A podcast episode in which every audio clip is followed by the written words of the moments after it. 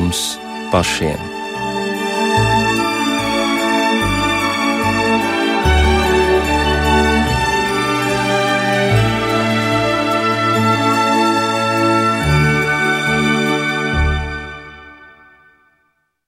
Esiet sveicināti raidījumā pāri mums pašiem, lai ir slavēts Jēzus Kristus. Studijā Inte Zēgnere un mūsu raidījuma viesis šovakar ir Latvijas Universitātes Āzijas studiju nodaļas profesors Leons Gabriels Taivāns. Labvakar! Labvakar! Nu jau kādu laiku zinātniskā darba sakarā jūs dzīvojat Grūzijā, un tāpēc par šo zemi, kura, kā saka paši gruzīni, ir tuvāk saulē un tuvāk dievam. Šovakar mēs arī runāsim. Runāsim par kristietību Grūzijā, par tradīcijām un par iespaidiem, ko jūs tur esat guvis.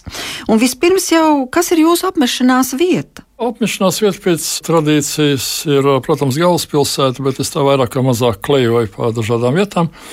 Nu, galvenie punkti ir Tbilisi, Kutaisi. Tās divas tādas iemīļotas pilsētas ir ja par vietām. Nu, Grūzija, protams, ir plašāk. Vairāk, kad runā par Grūziju, runā par austrumu Grūziju un par rietumu Grūziju. Austrumu Grūzija tuvāk Persijai, un no turienes nāk Persijas iespaidi. Un Rietumgrūzija, attiecīgi, šodien ir tuvāk Turcijai, bet vēsturiski viņa bija tuvāk Grieķijai. Jo Grūzija pirmajā tūkstotī, un arī pirms tam, uh, bija faktiski kaimiņos Grieķijai. Tā bija kaimiņu zeme, un robežas jau toreiz nebija demarķētas kā šodien. Tad, tad šī robeža bija vairāk vai mazāk nosacīta. Tur bija kultūras sakari cieši, un tādējādi Grūzija savieno sevi šo eiropeisko un aziātisko. Persija vienmēr ir bijusi, neskatoties uz to, ka tā ir indoeiropiešu valodas zeme. E, tomēr ir vienmēr arī Osmaņu impērijā, Turku laikos, tika uzskatīta par Āziju.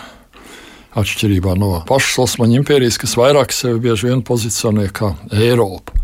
E, bet, jebkurā gadījumā, ja mēs runājam par Grūziju, tad, protams, tā ir daļa no tuvajiem austrumiem, no senajiem tuvajiem austrumiem.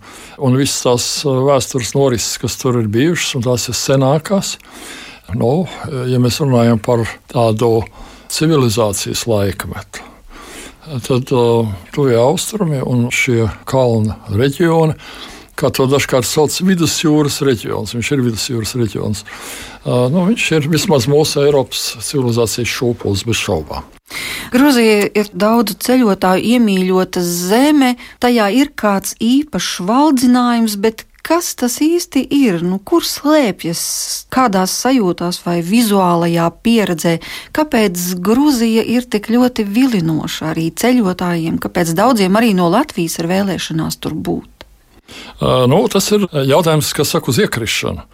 Grūti uz viņu atbildēt. Grūzijā ir ļoti daudz kā skaisti, ir brīnišķīga daba, ir ļoti garšīgi ēdieni, ir ļoti draudzīga tauta ļoti draudzīgi. Tik draudzīgi, ka, ja tu nonāci kāda mājā, tad tu esi faktiski šīs ģimenes pavērcināts. Tu nemaz nedomā savus patstāvīgus soļus kaut kur spērt pa labi vai pa kreisi. Tev ir pilnībā jāpakļaujas ģimenes vecākajai personai, parasti tas vīrietis, un ko viņš saka, tas viss ir jāpieņem nu, vismaz uz laiku par pilnīgu patiesību un nemēģina nemaz tur spārdīties kaut kā pretī.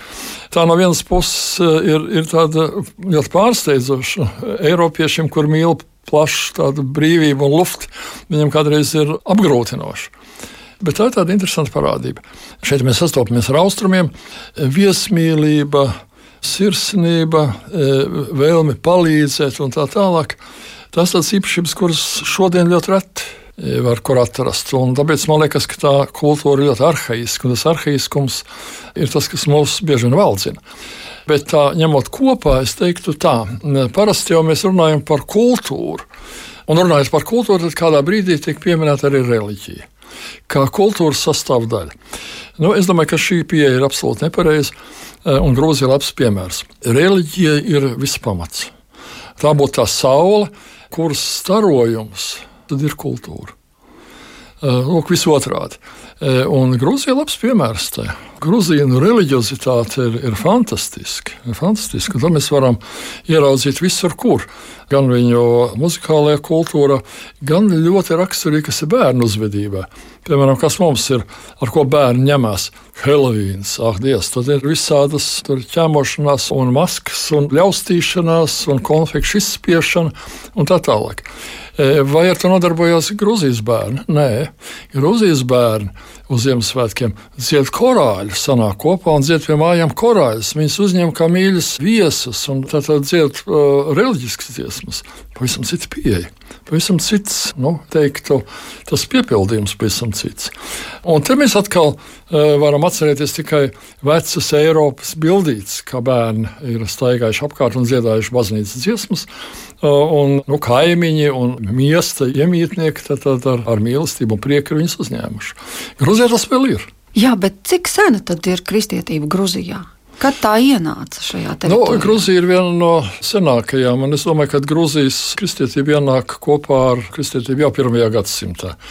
Liecības gan nav, liecības vairāk ir ar trešo gadsimtu saistītas. Blakus esoša Armēnijā ar trešo gadsimtu jau eh, kristietība tiek pasludināta par valsts reliģiju. Tā ir ļoti agri. Tā ir pirmā valsts, kas kristietību pasludina par valsts reliģiju. Bet Grūzija ļoti tuvu tam. Tā ir viena no agrīnās kristietības zemēm, bez šaubām. Bet katrā ziņā tā ir liela starpība. 4. gadsimts vai 13. gadsimts. Tas nozīmē, ka ir iekopts kāds zināms tradīciju, izpratnes un arī tas vēsturiskais lauks kas ir kļuvis par pamatu arī šodienas Grūzijai, attieksmē pret dzīvi, attieksmē ģimenē, lūk, šī bērnu audzināšana, vai var teikt, ka tas ir saistīts ar zināmu senatnes pakāpi? Nu, bez šaubām, jā. Un, ja mēs runājam teiksim, par kristietību Grūzijā un Latvijā, tad ir pēc mūsdienu reliģija pētniecības domām runa jau faktiski ir par divām kristietībām. Eiropas kristietība, 13. gadsimts, viņa jau ir, ja tā var teikt, ir apaugusi ar Eiropas kultūru kas uh, nav uh, tuvu austrumu kultūra. Kristietība nāk no tuviem austrumiem. Uh, un, tāpēc Grūzijā mēs sastopamies ar austrumu kristietību. Un šeit Latvijā ir kristīga rietumi. Un tur ir liela starpība. Nu, šodien tas nav temats par to starpību runāt, bet, bet viņa ir nopietna. Viņa ir ļoti nopietna. Viņa ir valodā, viņa ir kultūrā, viņa ir visās dzīves izpausmēs. Tā kā nopietna lieta. Un kāda jums pašam rodas sajūta, ieejot Grūzijas dievnamā? Kas ir tas, kas piesaista? Varbūt kas ir tas atšķirīgais un īpašais, kas ir tieši Grūzijā? Grūzijā ļoti daudz jaunu, sabūvēts daudz jaunu baznīcu. Jo kristietība bija apspiesta padomju laikos, un tagad ir tāda pilnīga renaissance. Es domāju, ka būs grūti atrast tādu grūzīnu, kas no, norobežotos tā krasi no baznīcas. Es domāju, ka tāda vispār nav. Bet uh, Grūzijā mīl vecas baznīcas. Tādas vecas, kuriem ir vairāk par gadu tūkstoti, kuras ir gandrīz 2000 gadu vecas, vai pusotra tūkstoša gadu vecas, ļoti senas baznīcas, kurās ir senatnes aura. Viņas ir tumšas, viņas nu, karstā klimatā, vasarā, protams, tur ir patīkami vēs. Ziemā ne tik, bet kuras, kā uzskata Grūzijā, ir piepildītas ar to uh, cilvēku lūgšanām, kas tur gadsimtos ir atradušies. Un uh, viņas tie akmens mūri, nu, tā ir tā ārējā redzamība, bet, uh, bet tā viņu būtība, tās, tās garīgās sienas, tās, tās lūgšanas, tās dziesmas, kas tur ir dziedātas, tie korāļi, tās nopūtas, viss tas rūpes un tas dzīves grūtums. Un ļoti skaista zeme, bet vēsturiski bieži ļoti asņaini kari ir bijuši, dažādi iekarotāji gājuši pāri, laupījuši, uh, visādas briesmu darbus darījuši. Un tas viss ir cilvēku dvēselēs, cilvēku lūkšanās, cilvēku nopūtās ir skanējis, ir izjusts, un tās ir tās baznīcas sienas. Un tā ir tā reliģijas uh, izjūta. Un tās baznīcas sienas ir kaut kāds savdabīgs Grūzijā, tās nacionālās identitātes mūris. Grūzīna vismaz ļoti daudz savos oficiālos materiālos un mācību materiālos, ar kuriem man nākas sastapties savu komandējumu laikā. Mēs redzam, ka šī reliģiskā identitāte tiek likta kā pamats Grūzijas tautas izdzīvošanai. kā pamats viņu identitātei, politiskai šodienas neatkarībai un tādām taustamām lietām. Tā kā reliģija Grūzijā ir tāds pamats viņu identitātei. Viņi to labi saprot un to skaidri formulē. Un tie senie baznīcas mūri, tā redzamā daļa, kur nu, tiek īpaši mīlēta. Eh, baznīcas ļoti skaists un, un īpatnējs tā ziņā, ka viņas ir viena liela daļa, sevišķi klosteru baznīcas, viņas ir uz augstu kalnu uz augstu kalnu, uz citu sniegotu virsotņu fonu.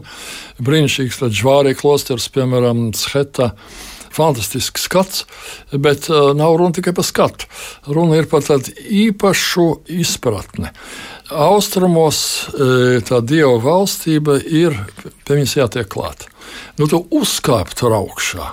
Un tu redzēsi, cik tur būs aizelsies, noguris, cik tur būs pagājis laiks, stunda vai pusotra, kamēr tu tiec augšā tajā kalnā. Un tad es nonācu tajā baznīcā. Nav tā kā Eiropā, ja mēs runājam par starpību. Eiropā kopš 12. gadsimta jau Eiropā notiek baznīcas skriešana pakaļ cilvēkam. Baznīca atnāk pilsētā, uzrunā tātad pilsētnieks, aicina. Viņi atrodas kaut kā iepakaļ tai parastajai dzīvei. Bet tas nav tāds mērķis, nav tāds simbols, pēc kura būtu jātiecās. Kas ir galvenais baznīcas svētki austrumos, ir augšām celšanās. Tātad lieldienas. Un lieldienas ir ne tikai Kristus augšām celšanās, bet arī cen, šodien mēs svinam Kristus augšām celšanos, rīt pienāks mūsu. Vai tā būs augšām celšanās? Labs jautājums. Bet uh, tas arī ir par mums. Un tā ir tā tieksme uz transcendentālo, dievišķo pasauli. Eh, bet, ja mēs eh, pavērojam tās baznīcas kalna galā, eh, tad, nu, esot dažādās citās austrumu zemēs, es esmu vērojis, ka tas kalna kults, kā viņu sauc, viņš vispār austrumiem ir raksturīgs. Kad tas dieva mājoklis nu, ir kalnā, nu, arī senajā Grieķijā tā bija Olimps, šī priekšstata, kad uh, dievība dzīvo kalnos. Nu, un baznīca arī kalnā. Tā ir tā tradīcija, kas nāk no neatminamiem laikiem. Bet, ja pievēršos tā idejai, ko jūs teicāt, ka pēc dieva ir jātiecas un pamēģina uzkāpt tajā kalnā, tas nozīmē, ka tur ir kaut kāds tāds varbūt pārdabisks skatījums, ka, ja tu gribi tiešām sastapt dievu, tad dari kaut ko, dodies ceļā, ej, nu parādi kaut kā fiziski, kā māki, kā proti parādi, ka tu to tiešām gribi. Nevis gaidi, ka dievs tevi apkalpos vai no, ka dievs tev atklāsies. Dari kaut ko no savas puses, vai tajā ir tā ideja ietverta? Jā, jā tā ideja ir, ir taš, tādā veidā, tas ir tāda, tas, tas personīgais uh, darbs, bet uh, atcerēsimies, ka Eiropas kultūra tas ir ļoti neraksturīgi. Ja, piemēram, Luters ar savu uh, taisnošanu ticībā, tad tev jau viss ir dots. Uh, viss ir dots. Un, un patiesībā sakot, tu, tu ticību to nevar sevi ģenerēt. Nu, pēc Lutera. Tur ar katolicismu savulaik bija, bija zināma cīņa. Un, un, uh, Tridents koncils ir noteicis, ka vajadzīgs tas inicium fidei, tas ticības tas mazumiņš, un tad tālāk pašam jāstrādā. Bet austrumos tādas holistiskas fines nekad netika cilāts, un tiešām tā cilvēka ceļš pie Dieva, tas ir noteicošais. Tas viņa nu, darbs, tā iešana. Tā, tā tieksme, tā, tā dvēseles dispozīcija. Ja? Tas, tas ir noteicošais, protams. Jūs minējāt Mtshetu, un es domāju, ir pienācis laiks arī aicināt mūsu klausītājus kaut mirkli pabūt šādā Grūzijas noskaņā. Mtshetas klosterī, kur tūlīt skanēs grūzīnu garīgais dziedājums, es esmu vīna dārzs.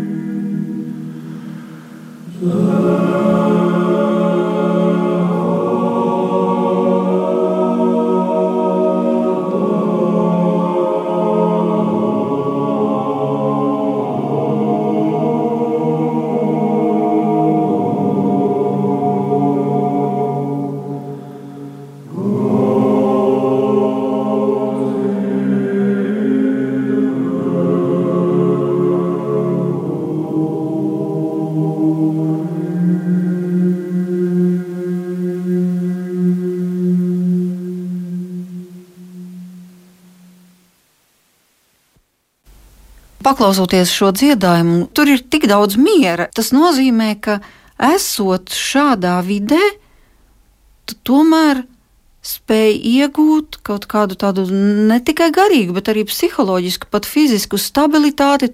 Tevī it kā plūst tās miera traumas. Nu, tam ir, ja mēs runājam par Mtshetu, tā ir senā Grūzijas galvaspilsēta, kurā varbūt ir tāds sakrāls trīs stūris. Tā ir pati vecā pilsēta, un es centrā stāv uh, Svētīts Hovelī katedrāla. Uh, nu, ļoti īpaša katedrāla tur ir ar to, ka tur glabājās uh, Jēzus Hitons. Hitons tas būtu apmetnis? Apmetnis, jā. Uh, tas, tas, par ko mēs Jāņa evaņģēlijā lasām, par ko E, karēji meta kauliņus. Tāpēc, ka viņš bija austs vienā gabalā, un viņi nevarēja, nevarēja sadalīt. Un tas tur joprojām atrodas? E, nu, viņš tagad ir sadalīts pa daļām. Cik interesanti, toreiz nevarēja sadalīt, meta kauliņus, bet tagad viņš ir sadalīts. Nu, tagad sagriež, sagriež teikt, ar šķēriem, sadalījis starp dažādām baznīcām, dažādām zemēm, un tas, tas tagad ir relikvijas dažādās vietās. Bet tā vēsture ir saistīta ar, ar nostāstiem par to, ka kāds gruzīns ir acīm redzam nopirts, viņa vārds nav saglabājies, ir nopirts no tā kareivja, kam pēc kauliņiem tika tas hitons, un e, pēc tam viņš e, aizved uz Grūziju, un e, viņš tiek glabāts Svētītas Hovilī katedrāles un dārguma glabātuvē, īpašā kastē, kas bija, kas bija iztaisīta tāda krusta formā.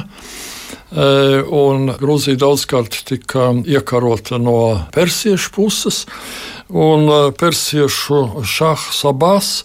Tad, tad 17. gadsimta sākumā viņš iekaroja Mtshetu un paņēma to kā vienu no laupījumiem uz Persiju. Un uh, abas uh, laika biedrs, Krievijas cars Mihails, lūdza abas atdot viņam. Tādējādi tas uh, hitons nonāk Krievijā, un uh, pēc tam tas hitons tika sadalīts dažādos fragmentos. Un, uh, viņš tagad dažādās svētvietās glabājās gan Krievijā, gan Ukrajinā, gan citvietā Eiropā bet kā tāda piemiņa no tā. Eh, Grūzijas karaļvalsts eh, ģerboni jau 1517. gadā šis kitons ir attēlots nu, kā viens no Grūzijas valsti leģitimējošiem simboliem. Kad eh, pie šīs valsts nu, struktūrālās veidošanas kaut kādā netiešā veidā pats Jēzus Kristus ir piedalījies. No, ar savu hitonu klātbūtni. Un apmēram 90% grūzīnu sevi uzskata par kristiešiem. Tā es saprotu. Jā, jā. Jā, 10% apmēram ir, ir musulmaņi, nu, un tad pārējie ir kristieši, protams, grūzīni. Nu, ir, ir tāds neliels kopienas, vēl citas, bet viņas ir niecīgas. Nu, tad Svedijas Hoilī ir viena, viena no tādām trīs stūra vietām. Otrs ir Džvāri klosters, kas stāv tādā ļoti stāvā kalnā starp Kūras un Arākviju upēm pa vidu pilnīgi majestātisks skats. Tā būtu tāda jauka vieta, kur uh, skanēt šiem uh, grūzīnu uh, dziedājumiem, garīgajiem. Bet tur nav liela klostera telpu. Man pārsteidz tas, ka tā, tā klosteru tā dzīvošanas daļa nu, ir ļoti, ļoti pieticīga. Un baznīca arī nav nu, necik liela. Bet vairāk tā vide ir, ir ne tik daudz tā, tā sakrālā telpa, bet cik tā kalni. Un tās upes, tās ir tās divas upes, no kurām viena ir kristāli dzidrā krāsā, un otra ir duļķaina. Jā, nu, tā viņas tur satiek kopā. Jā. Bet nu, viena iet gar vienkārši nu, fiziskais skaidrojums. Viena klinšu gultnē tek, un otra tā, tā, tādā irdenā, ka nu, kura, piemēram, ir brūna. Viņa Tāda ir visur. Ja viņi tek pa, nu, pa zemienu un, un nes sev līdzi visus tos duļus un, un, un, un akmeņus un, un smilts. Jā, un tad, pabeidzot par skatu, tad trešā vieta ir, ir Santavro klosteris ar, ar jaunu svēto, svēto Gabrielu Urgebādzi kurš ir tur abadīts un kurš bija tāds jauno laiku, jauno laiku svētais Grūzijā. Jā, par Svēto Gabrielu mēs arī noteikti runāsim, bet vēl atļausim šobrīd klausītājiem kopā uzkavēties šo garīgo dziedājumu pasaulē, un šoreiz tās būs sievietes, kas dziedās, un tas būs dziedājums Tēvs mūsu. Mama,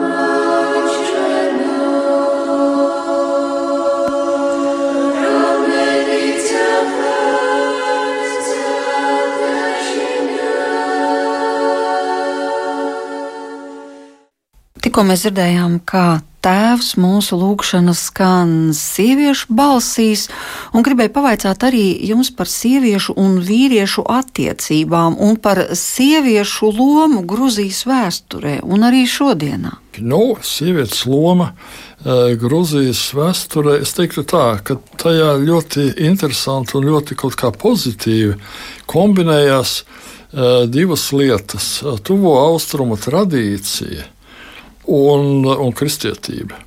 Un tur trovo austrumu tradīcija tomēr ir diezgan, ja tā varētu teikt, patriarchāla. Bet no otras puses, kristietība ir par brīvību. Kristietis tiešām ir brīvs, un tā brīvība tur arī ir.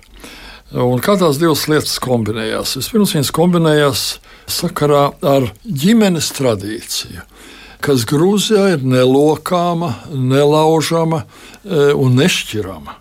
Un tā ir viena no tādām, nu, es teiktu, varbūt šodien mēs teiktu sociālām īpatnībām, bet tas arī ir liecinieks e, tādai augstai reliģiozitātei. Laulības tradicionāli Grūzijā, tāpat kā citur tuvos austrumos, nu, nenotiek pēc pašu jauno iniciatīvas. Tās ir normāli ir izkārtotas laulības, par tām vispirms rūpējas vecāki. Protams, ka vecāki nu, neuzspiedīs varbūt pavisam netīkamu partneri. Tur sarunas, protams, notiek arī ar, ar jaunajiem. Bet, principā, tās ir izkārtotas laulības. Šodien šīs laulības aizvien vairāk erodē, jeb uh, sabruka, bet aizvien, pat tad, ja jaunieši paši ir uh, izdomājuši, tad tomēr tiek tas jautājums saskaņots ar vecākiem. Jo ir pilnīgi skaidrs, ka šīs laulības, ja viņas būs neveiksmīgas, ja kas, bet būs jāizdzīvo līdz galam ar viņām. Nu, tā ir Grūzijas īpatība, un šajās laulībās, protams, Eh, kad sieviete iegūst eh, pavisam eh, citu, citas tiesības, citu svaru. Bieži vien varbūt tā vīrieša vara ir tāda nomināla un vairāk tā teikt, publiska, bet tā reālā vara bieži vien ir, es teiktu, pat ļoti bieži ir Grūzīnas sievietes rokās. Nu, iz, izpaužas, kā zināms, tā, ka vīrs, protams, ir galva, bet sieva kakls. Un kur tas kakls to galvu grozīs, tā viņa arī būs. Jā, tā kā apmēram tā. Bet, bet tajā pašā laikā tās Grūzīnas sievietes jūtas aiz saviem vīriem, tā kā aiz mūra sienas kaut kādā veidā. No, jā, tāpēc, kad līdz nesenām laikam, es nezinu, man liekas, pašreiz tā situācija sāk diezgan drastiski mainīties sakarā ar, ar nu, vēsturiskām izmaiņām, sociālām izmaiņām un ekonomiskām izmaiņām, kas mums pašreiz notiek. Bet, principā, Grūzija gluži tāpat kā citur tuvos austrumos, vīrietis ir pelnītājs. Un ģimene ir uz sievieti. Grūzijā līdz nesenam laikam bija ļoti augsta dzimstība. Man, piemēram, es dzīvoju Kāpakšīrnieks pie saimnieces, un viņa ir uzaugusi 11 bērnu ģimenē. Jā, tā kā nav nekāds joks. Un tas bija padomi laikos. Tad vīrietim vajadzēja, nu, prasa nopelnīt priekš 11 bērniem. Nav nekāds uh, nieks. Nu, gribu vai negribu, ir jāciena vai nevīriet, kurš var 11 bērnus uzaudzināt. Un, protams, ka sievietei šādā lielā ģimenē ir ļoti liela vara. Bet kas Grūzija, Grūzija atšķir piemēram no apkārt esošām musulmaņu valstīm?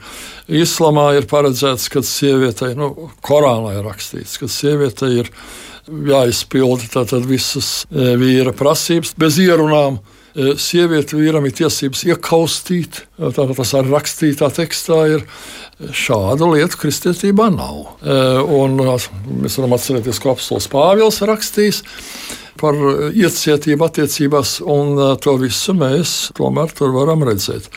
Vēl viena lieta ir, protams, tas, ka ģimeņu radoraksti atkal līdzīgi tam, kā tas ir to austrumu vidē.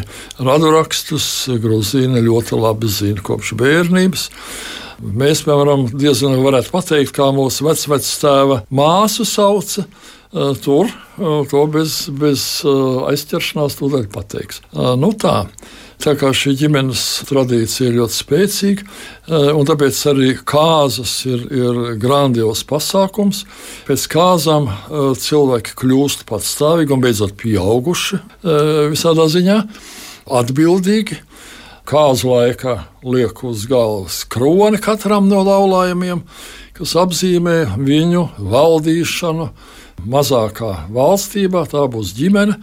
Uh, nu, tas viss tādas nelokāmas lietas ir. Un tāpēc te pašam Schetā, piemēram, Svētītas Hovelī katedrālē, tur jau pa darba dienām, sēdienās ir dievkalpojums un baznīcas svētkos, bet pa darba dienām tur notiek kāzas. Un tās kāzas notiek no rīta līdz vakaram, un tas ir vesels konvejers, un visi grib šeit svētajā pilsētā. Nu, Skete ir tā kā mums aglona.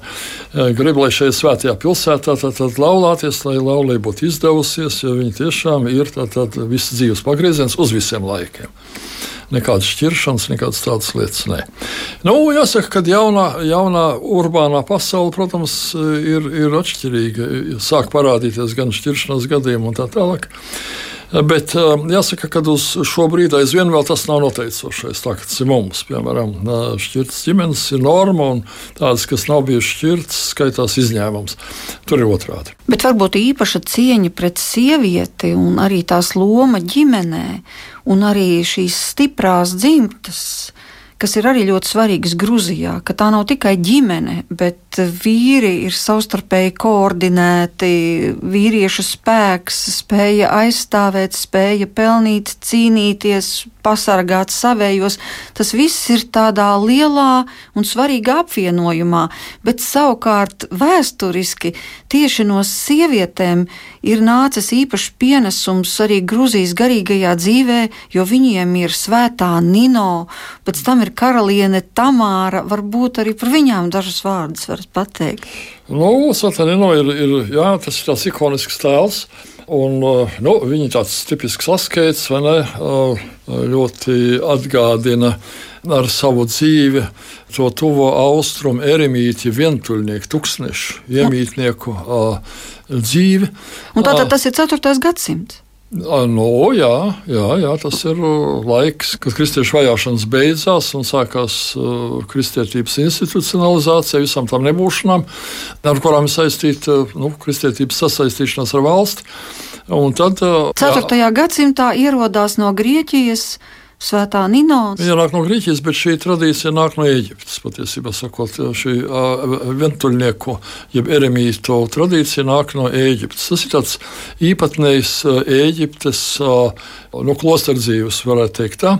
Uh, bet nu, ir, ir divi asketismi tādā virzienā. Viens ir eremītisms, un otrs ir uh, cenobītisms, jeb koinobija grieķu, tātad kopdzīves, uh, no kurienes kopdzīve, garīgā kopdzīve, kurā, no kur veidojas klosteri vēlāk bet nu, pārstāvēja šo eremītu virzienu.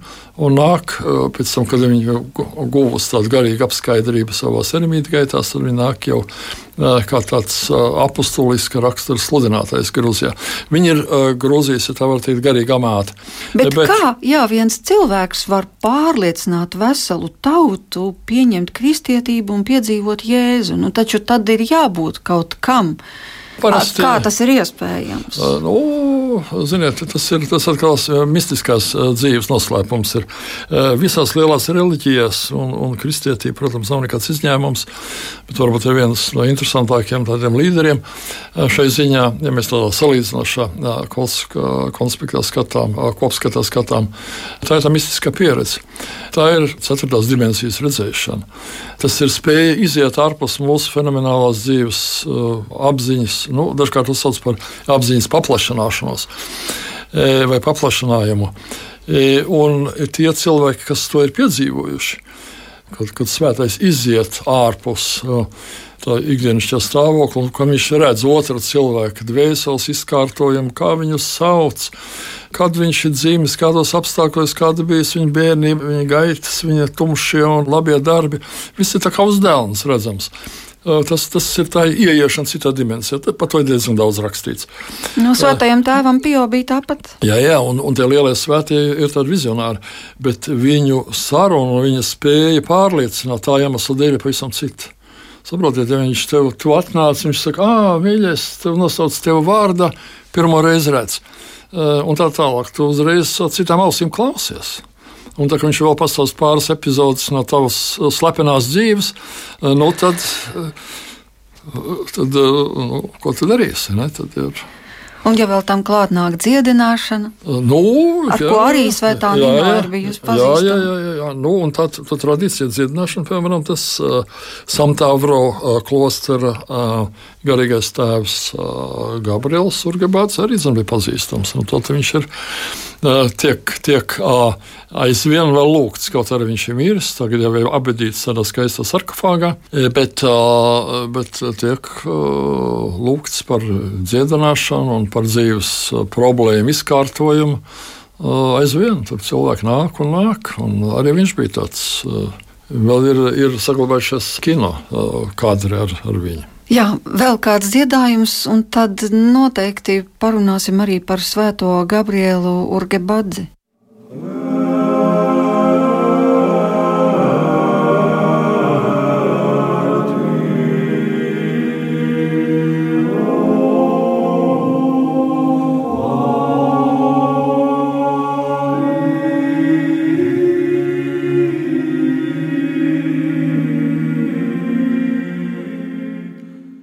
Tātad Svētais Gabriels Urgebadze, pie kura kapa vietas joprojām dodas cilvēki un arī pieredz brīnumus un dziedināšanas. Un viņš ir mūsdienu svētais, kā jūs sacījāt, nodzīvojis līdz pat 1995. gadam. Bet tad kas tas ir par mūsdienu svēto, ko tik ļoti godā Gruzijā? Nu, mums, ziniet, ir tā, mēs tagad nu, kā pirms šī muzikālā priekšnesuma parunājām par, par mistisko pieredzi. Viss liekas, o, tas ir gan zin, klasa, ne? tas ir, un tas viss tā ļoti skaisti ir. Bet patiesībā sakot, tā ir viena vienkārši sakot, suņa dzīve. Nu, vispirms jau nu, tas ir aprakstīts, to vajag izjust, bet to var arī iedomāties. Kad viss tā otra cilvēka zināšana, pazīšana un tā tālāk, tā ir viena suņa dzīve, tā ir viena smaga lieta. Man gadījās nu, savulaik lasīt vienu Japāņu antropoloģisku pētījumu, ko viņi bija taisījuši Eģiptē, Nitrijas tūkstneša oāzē un klosterī. Un tur tādi eremīti sanākuši. Arī ļoti izglītoti cilvēki, strādājuši pavisam citos amatos, bet kaut kā saņēmuši ļoti spēcīgu aicinājumu mm, aiziet un kļūt, kļūt par tādiem klosteru iemītniekiem. Tas tāds eremīta klosters, viņš tāds izbārstīts, tāds cēlis, nu, faktiski tāds alas tūkstnesī. Tur dzīvotie un, un, un praktizēja tādu īpašu uh, kontemplācijas veidu, kas diezgan daudziem ir atvērts līdz ceturto dimensiju. Un tad tie, kas ir pie tā tikuši, liela daļa kratās vaļā. Lūdzu, lai Dievs atņem viņiem to spēju, jo tā ir ārkārtīgi smaga nasta. Tu esi psiholoģiski pilnīgi neiespējami nest. Kāpēc? Viņi, viņas ir ļoti smaga. Nu, tu, man ir grūti pateikt, bet nu, to, ko viņi teiksim, apraksta, ko apraksta antropologi, saku, tas, tas ir milzīgs psiholoģisks sloks, ļoti smags. Nu, tādā reliģiskā valodā saka, nest citu grēkus. Nu, tā ir tāda neiedomājama smaga lieta. Tas ah. nozīmē, ka tas cilvēks redz tam otram cilvēkam cauri, redz un, arī viņa to netīro pusi, un, un viņam par to sāp, un viņš par to lūdz. Un, respektīvi, jā, jā, viņš no. piedzīvo daudz vairāk nekā mēs normāli sastopoties. Jā, jā tieši tā, nu, bet ne tikai tas. Mēs tas varbūt diezgan plakani izklausās, ka tur kaut kā pārdzīvā vai kaut kā cieši, bet acīm redzami, saprotiet, tas vis, visām lietām ir, ir savs sākums un arī savas sekas. Un ikvienai lietai ir sekas. Un tās sekas mēs jau neredzam. Bet, eh, ja, ja kāds redz, ne, cik mēs neizpostam svešu cilvēku dzīves ar neuzmanīgiem vārdiem, ne, neko īpaši nenodarījuši. Bet, vai kaut ko turot aizvainojumu sirdī, vai kaut ko milzīgi graujošu lietu. Mēs jau neredzam tas seks, bet tas seks ir. Viņas ir pilnīgi droši. Pat jau ir plaša literatūra un tā tālāk. Jā, bet kā svētais Gabriels? Jā. Jā. Gabriels viņš, viņš arī bija tāds, nu, acīm redzam, viņam tas bija spēcīgs aicinājums Bet esmu lasījis vairākas viņa biogrāfijas. Un jāsaka tā, ka padomju laikos, saprotiet, tā baznīcas hierarhija bija drošības komitejas caurausta, un viņam Uh, nu, viņa biogrāfija tad bija tāds spilgts gadījums, ka viņš bija pirmā maija demonstrācijā, bija aizdedzinājis Leņķina milzīgu portretu, kas, kas karājas uz valdības nama. Rustavēlī prospektā. Tur priekšā bija tribīnas. Nu, šodien tur vairs tur tribīnas nav, bet toreiz tur bija par Rustavēlī prospektu maršai tie pirmā māja dienas demonstrācijas dalībnieki. Nu, tad viņš, tas bija 65. gadā. Es pats toreiz dienēju armijā un arī Grūzijā. Un uh, pēc tā notikuma mums tur armijā ķiķināja. Uh, virsnieki ķiķināja, un, un, un kareivi tie tad, uh, virsnieki bija atnesuši to ziņu no Tbilisī un teica, ka iedomājas, ka Leņķina portreti nosvilināja zin, no augšas līdz apakšai, un kaut kāds klosteru brālis tur esot to izdarījis, un kad uh, šitie uh, drošības drošībnieki, tie bija nogulējuši to lietu, un tie tur traksmējās par to skaties, skaties, bet par tādu, par tādu nodarījumu bija pilnīgi skaidrs, kad kad Gabriels dabūs nāves sodu e, vai mūža ieslodzījumu kā minimums. Bet nu, tur viņi paņēmās, paņēmās un, un beigās atzina viņu par, par traku. Un ieslodzīja psihiatriskā slimnīcā, pēc kāda laika izlaidā ārā. Un, un tā. Bet, nu, tā viņš tika cauri. Bet baznīcas ietvaros viņš vienmēr bija vai par sārgu, vai par nu, tādas pavisam necīlu kaut kāda tur, nu, tie pēdējie darbiņi. Eh, bija, ko viņam tur uzticēja, un nekāda teikt, eh, baznīcas karjera viņam tur nespīdēja. Nu, nekā. Bet viņa ceļš bija tāds galējs pazemības ceļš. Viņš bieži vien izlikās par tādu nepieskaitāmu, par tādu nepieskaitāmu, par tādu plānprātīgu, nu, par tādu, tādu reliģisku, tādu naivo vai kaut kādu tādu, ar, ar kuru grūti ir kādam normālam cilvēkam runāt un komunicēt. Tas bija viņa ceļš. Un tādā kapacitātē viņš savu dzīvi visu nodzīvoja. Savus nu, dzimtās mājas pagalmā viņš būvēja baznīcu un būvēja viņu faktiski no visādiem atkritumiem. Viņš staigāja pa, pa atkritumu izgāstuvēm, un tur specifiski lasīja kopā izmestas svētbildes, kaut kādas baznīcas piedarums, kaut kādus nu, tur, nezinu, tur krustiņus un, un lūkšana krēlas, kādas rožkroņas un tā tālāk. To viņš lasīja kopā un visu vilku uz to baznīcu un mazgāja, tīrīja, atjaunoja un ņēmās ar tādu celtniecību. E, un šeit viņš tā lielā mērā Asīs Francisku atgādina, kas arī taisījās atjaunot baznīcu, bet e, vienu brīdi viņš sadzirdēja balsi, ka ne jau tas bija domāts, ka viņam jāatceļ to baznīcu.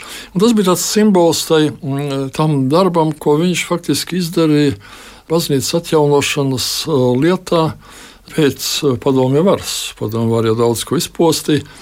Tad bija nepieciešama tā baznīcas restaurācija. Un viņa darbs nebija nekāds organizatorisks, nekāds plašs vadošs pasākums. Tur nebija.